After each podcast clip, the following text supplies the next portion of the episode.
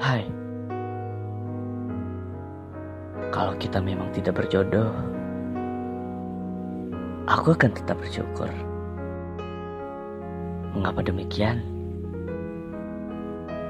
Karena aku telah mengenalmu, dan aku pernah menjadi bagian-bagian di hidupmu, menjadi peluk yang menghangatkanmu, dan menjadi sesuatu yang aku anggap bahagia. Aku bersyukur karena memiliki kesempatan untuk mengenalmu. Masalah jodoh itu sudah ada yang mengaturnya.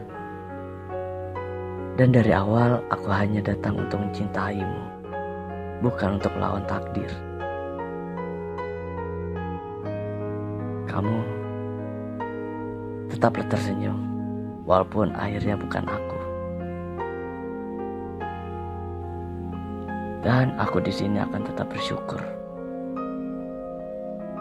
Karena kamu akan dipertemukan dengan orang yang benar-benar takdirmu.